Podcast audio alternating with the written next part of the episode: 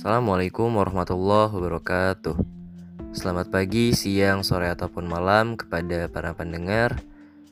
Semoga bagi yang mendengarkan podcast ini selalu diberikan kesehatan, keselamatan, kelancaran, serta kemudahan dalam menjalani kehidupannya.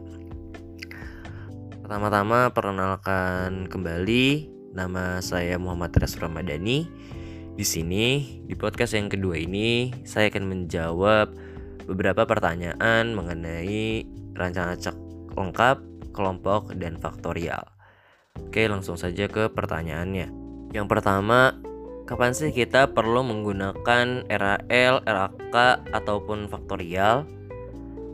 Untuk RAL atau rancangan acak lengkap, kita menggunakannya saat unit percobaan yang kita lakukan itu bersifat homogen atau seragam.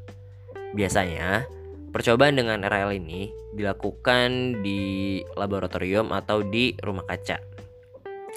Pada RL, ukuran unit percobaannya itu tidak begitu besar, yang mana setiap sampel dan pengulangannya dapat dilakukan dalam satu kali running atau pelaksanaan. Atau bisa dibilang juga kita dapat melaksanakan melakukan seluruh unit percobaan itu dalam satu waktu di waktu yang sama gitu. Untuk RAK atau rencana cek kelompok, kita itu menggunakannya saat uh, unit percobaan yang kita lakukan itu bersifat heterogen atau tidak seragam berkebalikan dengan RAL. Nah, biasanya uh, percobaan dengan rak ini dilakukan di lapangan atau di lahan terbuka. Lalu pada uh, eh, RAK ini unit percobaannya itu bisa dibilang cukup besar. Yang mana seluruh unit percobaannya itu tidak dapat dilaksanakan dalam satu kali running atau pelaksanaan. Melainkan kita harus melakukannya uh, di waktu yang berbeda antara unit percobaan yang satu dengan unit percobaan yang lainnya gitu. Lalu untuk uh, rancangan faktorial, faktorial ini sebenarnya berhubungan dengan RAL dan RAK uh, bahkan di faktorial sendiri itu terbagi menjadi dua yaitu ada RAL faktorial ada RAK faktorial nah yang membedakan antara RAL dan RAK dan kapan harus menggunakannya adalah pada faktorial ini terdapat sat, lebih dari satu faktor yang diuji pada percobaan yang kita lakukan. Nah, ketika ada lebih dari satu faktor itu, kita menggunakan rancangan faktorial ini gitu selanjutnya disesuaikan dengan yang RL uh, faktorial ataupun RAK faktorial.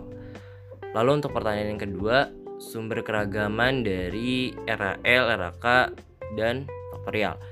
Sumber keragaman dari RAL itu berasal dari uh, perlakuan, cuman perlakuan saja dengan galat.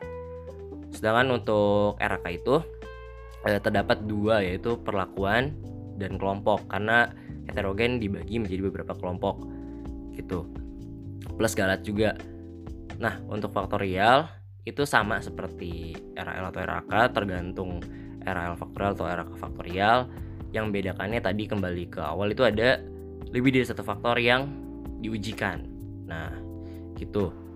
Lalu untuk pertanyaan yang ketiga yaitu keuntungan dan kerugian dari RAL, RAK dan faktorial. Keuntungan dari RAL yang pertama adalah permasalahan eh, adanya data yang hilang itu lebih mudah ditangani atau sedikit lebih mudah dibandingkan dengan RAK. Kenapa? Karena data yang hilang tidak akan menimbulkan permasalahan analisis data yang serius atau tidak begitu bermasalah. Kehilangan sensitivitasnya itu lebih sedikit dibandingkan dengan rancangan lain.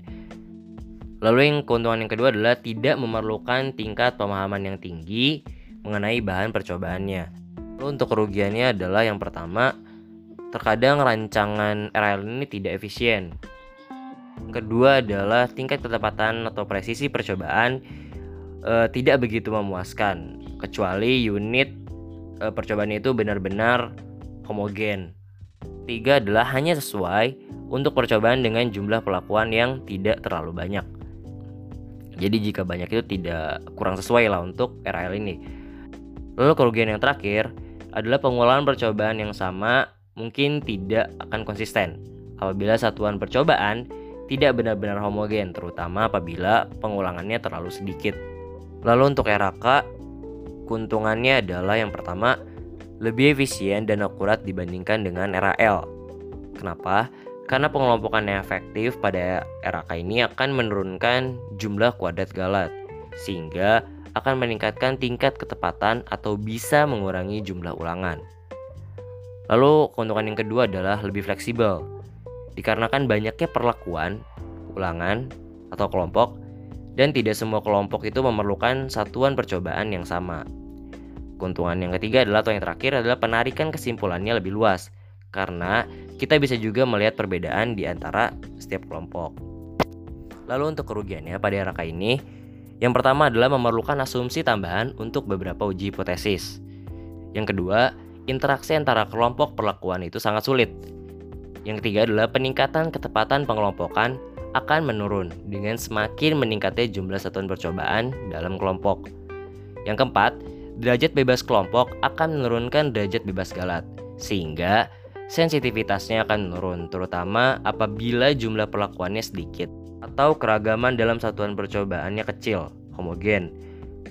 Yang kelima adalah memerlukan pemahaman lebih atau tambahan tentang keragaman satuan percobaan untuk mencapai suksesnya pengelompokan. Yang terakhir, jika ada data yang hilang, memerlukan perhitungan yang lebih rumit dibandingkan dengan RAL. Kemudian, keuntungan kerugian dari faktorial. Untuk keuntungannya, yang pertama itu lebih efisien dalam menggunakan sumber-sumber yang ada. Yang kedua, informasi yang diperoleh lebih komprehensif karena kita bisa mempelajari pengaruh utama dari interaksi. Yang ketiga atau yang terakhir pada keuntungannya adalah hasil percobaannya dapat diterapkan dalam suatu kondisi yang lebih luas karena kita mempelajari kombinasi dari beberapa faktor. Untuk kerugiannya sendiri, yang pertama itu analisis statistikanya itu lebih kompleks Nah, yang kedua itu terdapat kesulitan dalam menyediakan satuan percobaan yang relatif homogen. Kerugian yang terakhir adalah pengaruh dari kombinasi perlakuan tertentu mungkin tidak e, mempengaruhi atau tidak berarti apa-apa, sehingga terjadi pemborosan sumber daya yang ada. Nah, mungkin itu saja dari jawaban yang bisa saya sampaikan. Kurang lebihnya mungkin mohon maaf. Sekian, terima kasih. Wassalamualaikum warahmatullahi wabarakatuh.